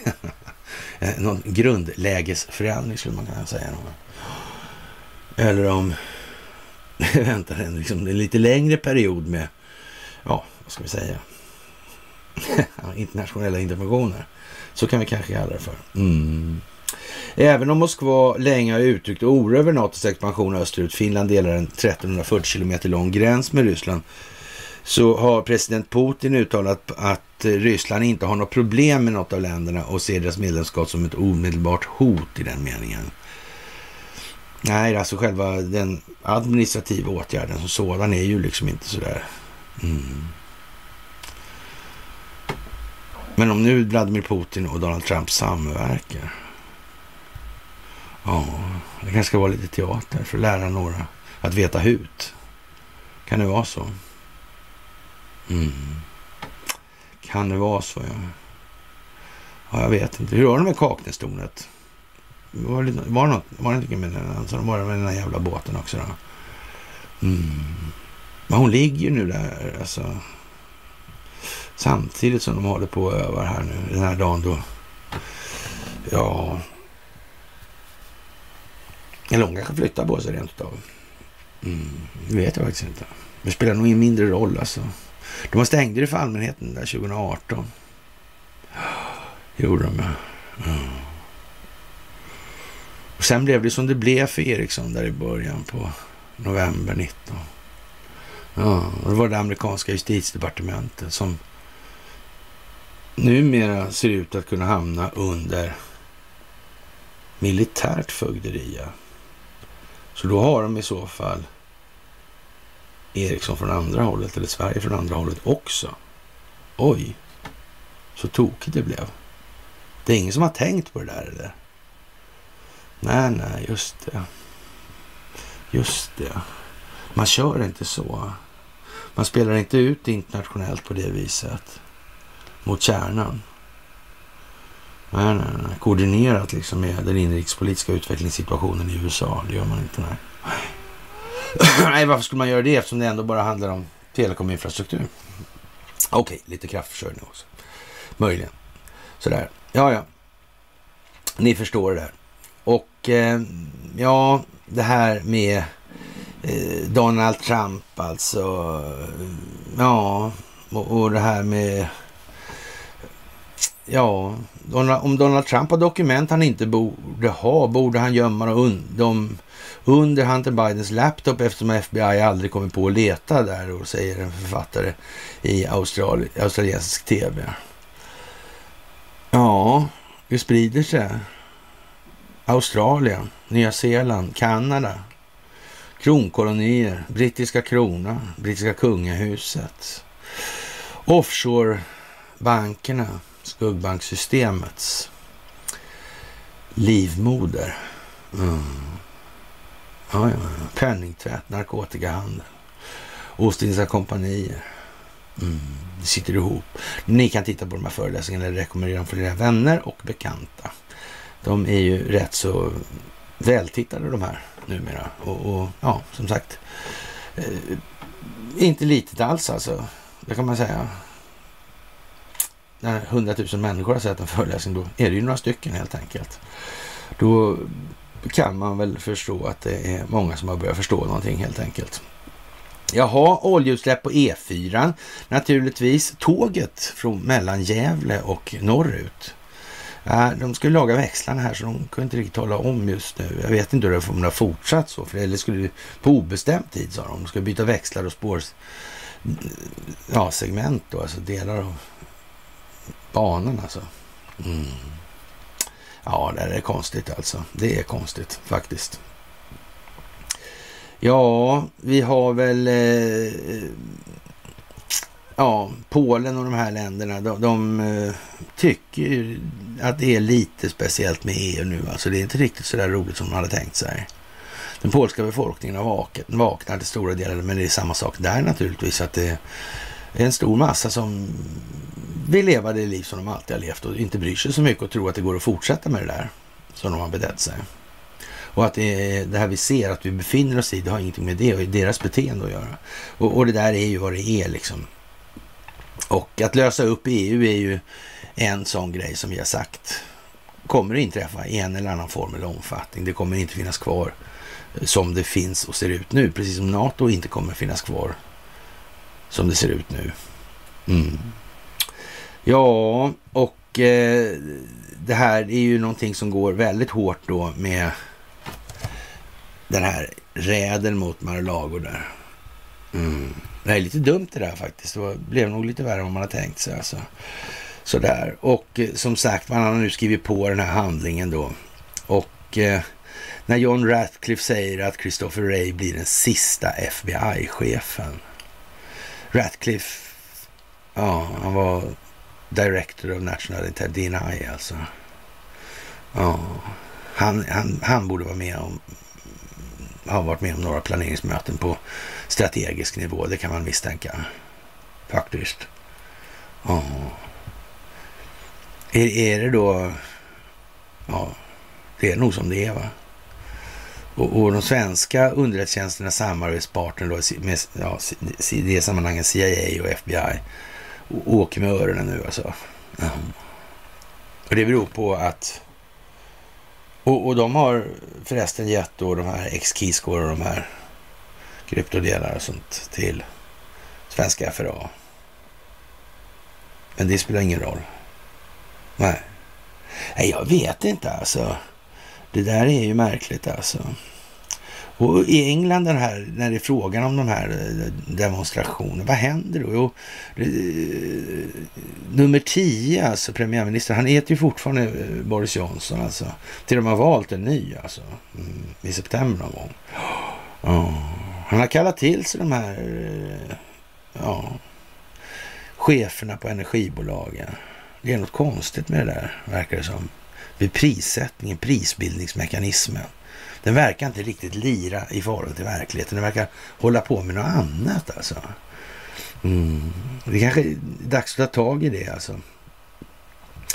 Det är uppfriskande att höra eh, Magdalena Andersson göra bort sig och, och, det blir jobbigare att hålla masken alltså. Hon är inte känd för att skratta på bild precis alltså. Och Ja, och, och, och, det är väl kanske möjligen bra. Hon sitter i Sagerska palatset, inte i biljettluckan på Leos lekland då. Och det här med vad... Ja, kanske det är lite ångest där nu alltså. Det kan inte vara så där... Eh, ja, hon verkar avmätt eller lugn. Lugn samtidigt lugn och så alltså, inte stressad. Och möjligtvis har hon förlikat sig med vad som komma skall i den meningen. Det, och det, det, är väl bra i och för sig, men ja, vi får väl se alltså hur det här utvecklar sig i den delen. En annan figur som har dykt upp på senare tid är Sayed Hassan Nasrallah alltså. Och det är Hizbollahs ledare alltså. Och det där är ju en speciell figur alltså. Han är inte så pigg på det här med islamisk fundamentalism i den tappning som Isis och Al-Qaida och sådana här muslimska brödraskapet har bedrivit verksamhet alltså. Mm. Och, och, är det så att han tycker att den där typen av verksamheten är ganska dålig för samhällsbyggnationen, då får man nästan utgå ifrån att man inser tämligen snart från de här olika grupperna jag nämnde då att nu har man ett problem på halsen. Sådär. Mm. Det kan man nog utgå ifrån faktiskt. Och ja, vem vet? Det skulle inte förvåna mig om han kände Mohammed bin Salman, MBS alltså. Mm. Ja, det var ju det där med Libanon och centralbanken som reviderade också. Det glömde jag ju bort. Och så var det där med terroristfinansiering och sånt också. Ja, ja, det var ju det också. Mm. Ja, men det var ju han den där Khashoggi inblandad också. Och så var det så konstigt också när någon lirare där som dog nu. Alltså, och som hade samma namn som någon annan. Det var också konstigt. Mm. Verkar gå ihop ändå alltså. Mm. Som sagt, det gäller att hänga med här nu alltså. Och eh, ja, Per Westberg har eh, kommit fram till att eh, han ska lämna Amnesty. Och Amnesty blev ju då ja, av Zelensky utsedda till att vara rena jävla terroristverksamheten. Ja. Mm. Men Westberg han är en speciell figur alltså. Det får man säga. Mm. Men den var länge också. Nästan lite djupa staten-varning på den här va? Mm. Men det beror på om man tror att den djupa staten finns eller inte. Det måste man ju också säga. Så I så fall, så annars blir det ju ingen diskussion alltså. Mm. Och Eh, beroende på vad och hur mycket skådespelaren Zelensky vet om Amnestys finansiering är påståendet faktiskt om terroristorganisationer kanske inte helt taget ur luften alltså. Eh, kanske Amnesty pysslar med penningtvätt och distribution eh, ja, av olika varor eller sådär. Alltså, ja, det där blir inte bra alltså. Kanske har de hållit på med det länge. Kanske var det läge att lämna. Kan det vara så att det kommer komma fram en massa saker att han drar därför? Skulle det kunna vara så? Jag vet inte, jag har ingen aning. Ja, som sagt, det känns som vi har gjort det här nu många gånger och eh, vi säger samma sak alltså. Costa Ricas nye president, ja, han tycker det här får vara nog med det här vaxtramset och så vidare. Det räcker nu helt enkelt. Mm. Det kan man ju faktiskt tycka. Covidiotin är snart ett dåligt minne blott och djupa staten har förlorat ett av sina viktigaste vapen i de sammanhangen. Och eh, ja, Republikanerna eh, säger att FBI har tagit en eh, biltelefon här. Och ja, vad ska man säga egentligen? Och beslaget är enligt uppgift en del av undersökningen och tidigare president Donald Trumps försök att störta valet 2020 alltså. Federala agenter har beslagtagit representanten Scott Paris, en republikan från Pennsylvania, hans biltelefon och, och, och eh, det här är den här banan, bananrepubliksfasonerna alltså, mitt med en utredning om presidentvalet 2020. Och det här är ju någonting man får väl... Tänk om vad de hittar för något alltså. Mm. Man får vara försiktig. Och, och, det var ju återigen det där konstiga liksom att tre FBI-agenter. Ja men där var ju han Ray chef alltså. Han som just golade ner eller vattnade ur Hunter och Joe Biden. Ja, konstigt alltså. Men det, det, är inte planerat, inte det minsta alltså. Och det här skedde alltså alldeles efter då man hade genomfört en räd mot Trumps semester på Mar-a-Lago i Florida. Enligt uppgift kommer en del av undersökningen av Trumps hantering av presidentdokument, inklusive sekretessbelagt material, kan ha förts till Palm Beach-anläggningen. Mm. Ja, det kan ju vara så. Men det kan också vara på några, några andra sätt. Och det är ju de här andra sätten som verkar vara någonting som ligger i farans omedelbara närhet och riktning alltså. Jaha, och Pelosi tycker det var totalt helt värt att åka till Taiwan då. Det är ju lite sådär speciellt alltså. Och EU tycker då på något vis massa saker om det här med EU, eller om Ryssland då. Och ja, det är ju inte lika på något sätt alltså. Det verkar spricka betänkligt det här, alltså ytan på det. Alltså, ja, hjälkotten på båten liksom, den bara drar. Mm, det krackelerar helt enkelt nu. Big time alltså. Ja, och vi, det, vi, går ju bara, vi går ju runt, runt, runt och här i Sverige har litium stämplats, eller kan stämplas som giftigt risk för fosterskador och de här nya batterierna och batterifabrikerna och så vidare Det verkar ju bli jättekonstigt det här. Kan det vara planerat också? Kanske finns det andra energiformer eller andra sätt att framställa. För trots allt det här med batterierna alltså. Oh. Finns det andra batterier förresten som inte är så farliga? Hade de, fanns det inte sådana här eh, Hampa-batterier eller vad det var? Som hade jättehög verkningsgrad. Men jag kanske läste fel. Jag vet inte. Men det kan det vara så att man har tyckt att det där är inte så bra för det är ju jättebilligt och så vidare. Och, ja, och, och det kommer ju förstöra hela marknadssegment i det befintliga samhället om man börjar köra sånt där. Alltså. Det, men det är ingen risk. Nej, nej. Ja, men då, så då kanske. Som sagt alltså. Och det här med att eh, ja, en före detta polischef i, i New York, han säger då liksom next step will be assassination. Ja, efter de har gjort den här räden alltså. Mm. Vad fan säger han något sånt för? New York. Har en sån där haft något inflytande på något vis i något sammanhang? Jag vet inte. Han heter Bernard Kerrick och han varnar alltså för om FBI's razzia mot president Trumps hem inte hindrar eh, honom från att och liksom ställa upp då 2024 så kommer nästa steg vara för de som söker absolut kontroll över det amerikanska politiska systemet att, bli, att utföra ett lönnmord mot president. Har det diskuterats där så? Har det kanske diskuterats förut? Av några berörda parter. Kan Brennan, Clapper, Comey mm. Kan de ha varit insikliga? Han Rodney Rosenstein, där var inte han, var inte det något konstigt att man skulle bugga? Alltså var det inte någon sån där grejer? Och det var ju det, ja. Just det. Ja, ja. Kan det här ha diskuterats förut inom ramen för underrättelsetjänstkollektivet? Ja. Då kan man ju säga om det är fallet och det här så att säga spårar ur lite grann och sådär. Då kan man ju säga att den amerikanska militären plötsligt har ett lite annat utgångsläge i den delen. Mm. Vi får väl se hur de drar den. Vi vet ju inte det exakt, alltså vilken tågordning som kommer.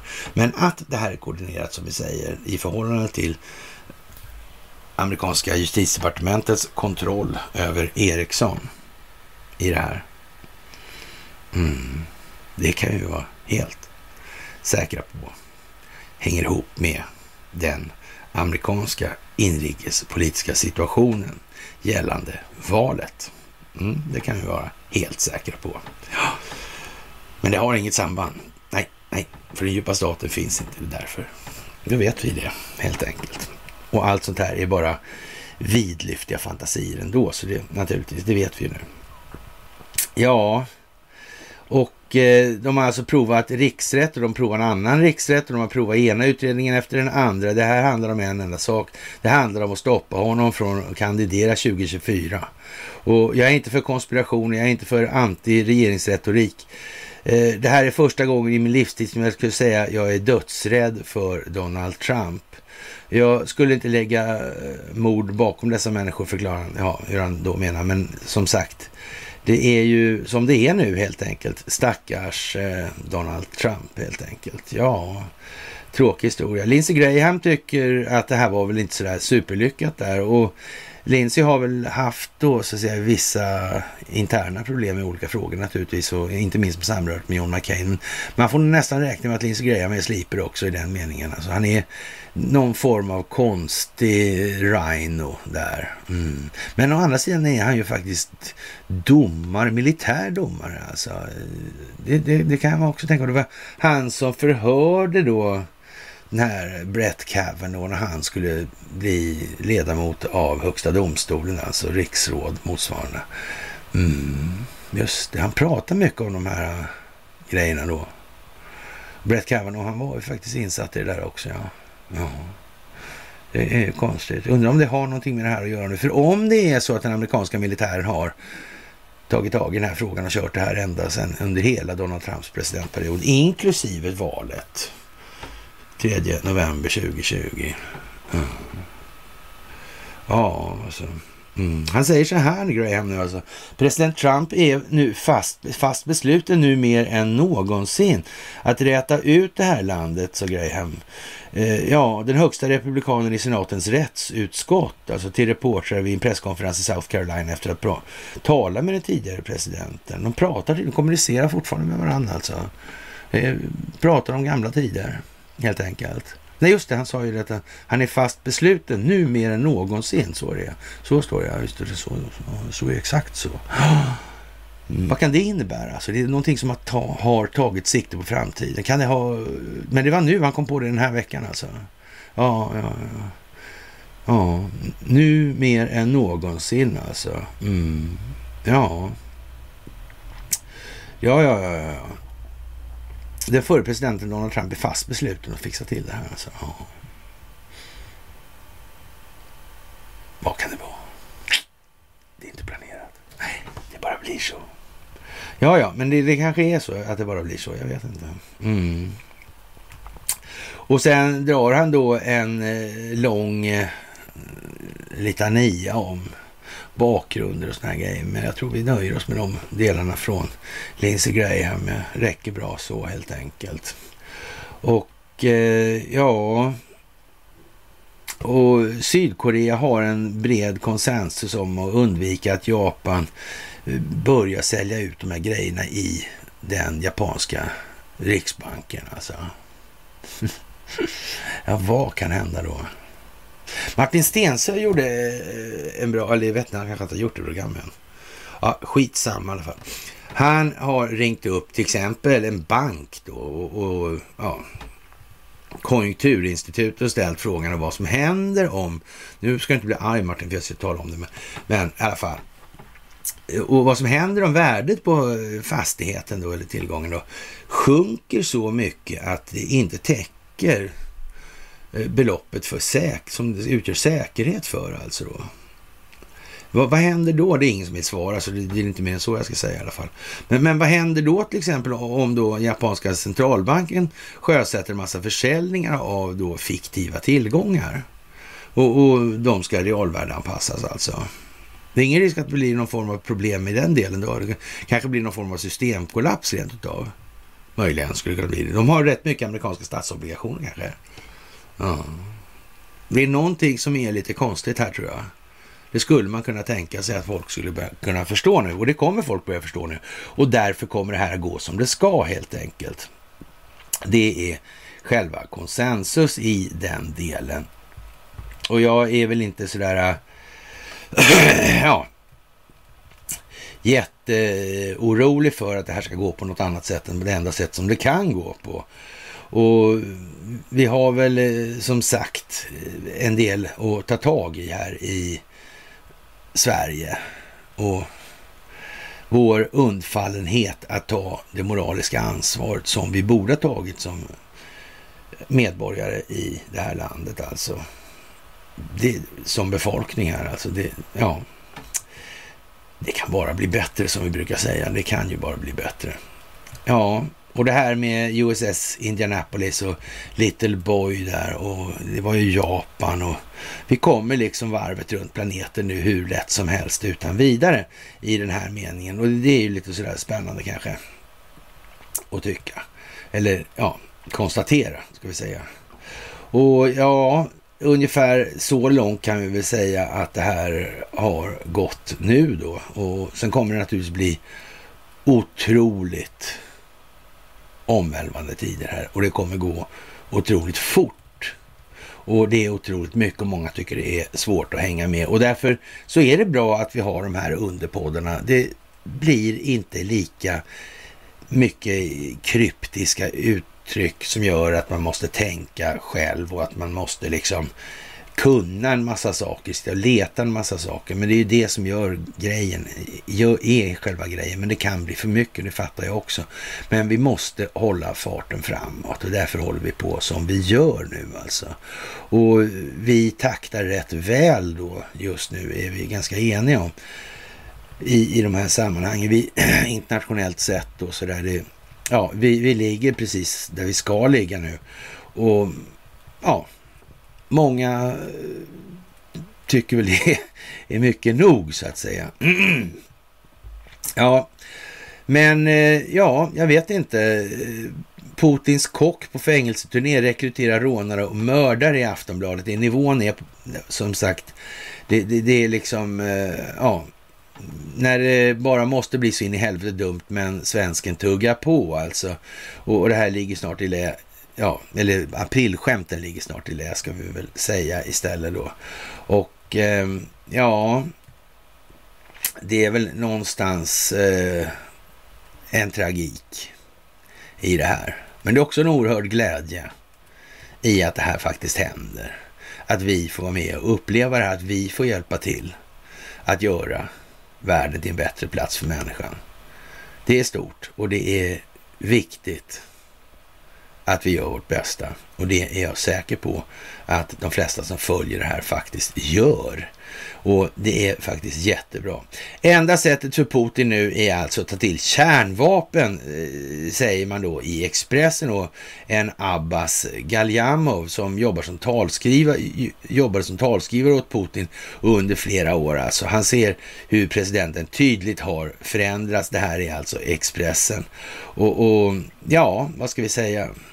Mm, det där med kärnvapen är en viktig grej alltså. Det verkar vara intressant faktiskt. Det verkar vara liksom en stor pryl alltså. Och som sagt, elpriset, det måste svida alltså. Man kan tänka sig att staten skulle ta eh, 75 procent av kostnaden på allt över en krona per kilowattimme och då föreslår någon då att det motsvarar 6 000 kronor tillbaka i plånboken för en familj i Norrland som betalar inte en spänn ens. Och, och för att ingen ska behöva gå från hus och hem den här vintern på grund av en elräkning då. Och, och det kan man ju tycka är lite eh, speciellt alltså.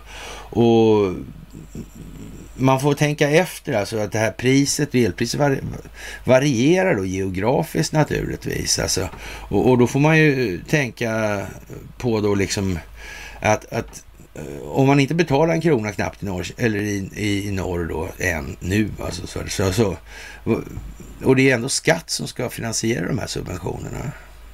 Mm. De ska höja skatten nu alltså i norr då, det är vad de säger för att subventionera Skåne? Eller ska skåningarna betala mer skatt för att få lägre eh, elräkning? Och det här är ju ett ytterligare steg man tar nu här. Man måste visa folk hur logiken bakom den mediala opinionsbildningen fungerar när man håller på med reflexiv kontroll i det här. Ja, av den ena eller andra sorten. Men det är lika i den meningen alltså. Man måste liksom tänka i flera steg och det är ju kanske ingen paradgren i alla delar fortfarande då, så här, men det blir ju fan bättre. Vi kan säga så här, när jag började snacka om den reflexiva kontrollen 2015-2016 där, då, då kan man säga så här, då var det lite ödsligt på åhörarläktaren helt enkelt. Folk, eh, ja, hade annat att pyssla med helt enkelt. Sådär. Ja, så. Och Eh, jag vet inte. Nigel Farage påstår att han är chockad över den här räden då. Jag vet inte. Jag tror han överlever den chocken faktiskt. Det tror jag. Jag tror han har fattat det här med planeringen i den delen. Faktiskt alltså. Det tror jag alltså. Eller jag är rätt säker på det. Och, och, ja, vem som helst kan alltså nu nästan förstå att Putin, Xi Jinping och Erdogan samarbetar då mot den djupa staten, det vill säga länderna mot de globala och mäktiga företagen. Och ja, det är fler länder som gör det naturligtvis. och, och ja, statschefer. Men eh, ja, Erdogan får eh, snabbt uppsving från Putin alltså. Och, och eh, vid en avgörande tidpunkt för Turkiets mäktige president dessutom alltså. Och det här mötet i Sochi där och, och ja. Ja, man kan avstå från en del dollar alltså i handeln då för sin import här alltså. Det är en välsignelse för den turkiska ledaren med mindre än ett år kvar till allmänna val och hans godkännande betyg svävar nära rekordlåga nivåer. Men det är nog rätt säkert faktiskt att Erdogan kommer gå till historien som, ja, han kommer helt enkelt eh, överträffa Mr Turkiet rätt så rejält skulle jag vilja påstå alltså. Det vill jag nog påstå. Atatürk må, eh, ja, eller må kanske inte snacka så, alltså, men, men för, ja, svårt att sätta sig in i de tiderna lite grann så. Men, men han måste ha varit medveten om det, det där det var han ju helt säkert. Alltså, sen, ja, det var ju som det var helt enkelt. Men en sak är också helt säker, även om det var som det var med Recep Tayyip Erdogan en gång i tiden, i alla fall vad det såg ut att vara, så kan vi vara helt säkra på att det blir inte det eftermälan kommer lämna bakom sig. han kommer att bli hyllad som Turkiets store man i det här. Den som på allvar gjorde sig av med den djupa staten. Och jag har ändå kallat honom för i skrift då, för då Sultan Kebab och sånt där han höll på som värst och speciellt ilsken blev man ju när han sköt ner den där ryska det ryska bombplanet då. Men, men det, det, tog ganska, gick ganska snabbt då. Det var, det var alldeles för mycket då. Så det var väl ungefär då jag liksom greppade att nej, helvete heller, så är det ju inte liksom. Och de har ju planerat, den här statskuppen var ju rena jävla fiaskot. Då var man bombsäker på vad det här var för någonting. Ja, så. Och eh, med det så skulle jag vilja säga att vi har gjort det vi ska idag faktiskt. Och det är ju alltid trevligt alltså och kunna konstatera att när eh, den djupa staten skapar en blackout, om de gör det nu, så är det bra om man kontrollerar VMA-funktionen och kaknestolen och alla sådana här grejer. Alltså. Mm, det är bra. Det gäller ju så att säga att värna det svenska samhället. Då är det ju bra att vi har militär assistans för det helt enkelt. Om den svenska politiken då har lett till att svenska företagsintressen och sådana här, eh, till och med med politiskt eh, medgivande har gjort då politiska interventioner. För vi kommer inte ihåg riktigt om alla liksom eh, positiva politikerna till Donald Trump. De är svårare att komma ihåg än de andra märkligt nog. Mm. Man skulle kunna säga att det känns som att det föreligger en viss risk för att det skulle kunna bli lite påföljder för den typen av beteende. Det hade inte varit möjligt om de hade skött sitt jobb, eh, i alla fall i någon omfattning som hade med vad folk i allmänhet trodde det skulle vara. Det, det tror jag inte. Nej. Som sagt, det där är fantastiskt alltså. Och den här VMA-tjänsten då har ju laddats upp till utländsk mål, måltjänst, både instruktionen och koderna där. Det var ju tillfälligtvis bra då. då. Och sen hade man ju haft kontroll på det här kamerzonet väldigt länge också då. Mm. Och det kan man ju säga så här, det kan vara befriande för både morsan och katten att slippa titta på Miss Marple och morden i Midsummer den 78 reprisen alltså. Och bara få titta på VMA-sändningar. Jag, jag hoppas lite på det faktiskt. Av det enkla skälet att då blir ju det liksom inte så mycket mer att diskutera. Alltså, det kanske inte ska vara så mycket sport på tv en stund. Sådär. Kanske är bra med de här. Ja. Och, och då ur det perspektivet kan man säga, det är nästan som man misstänker att om, de, om det ska ändå ska avslöjas allt det här, ja då är det väl bara att låta den djupa staten få skulden för eh, ja, nedsläktningen. Mm. Och sen kör man det den vägen sen istället. Jag tycker det skulle vara snyggt. Om man får drömma lite, hoppas. Ja, så. Det kanske inte behövs. Jag vet inte. Men det får vi se i alla fall alltså. Och ja, ni ska som vanligt ha det största av takt för det ni gör. Ni förstår det här med den ekonomiska grunden till varför utvecklingen ser ut som det gör. Fantastiskt. Det är det största i allt det här. Där börjar det här så att säga. Och eh, det är fantastiska tider. Det här får vi aldrig uppleva igen.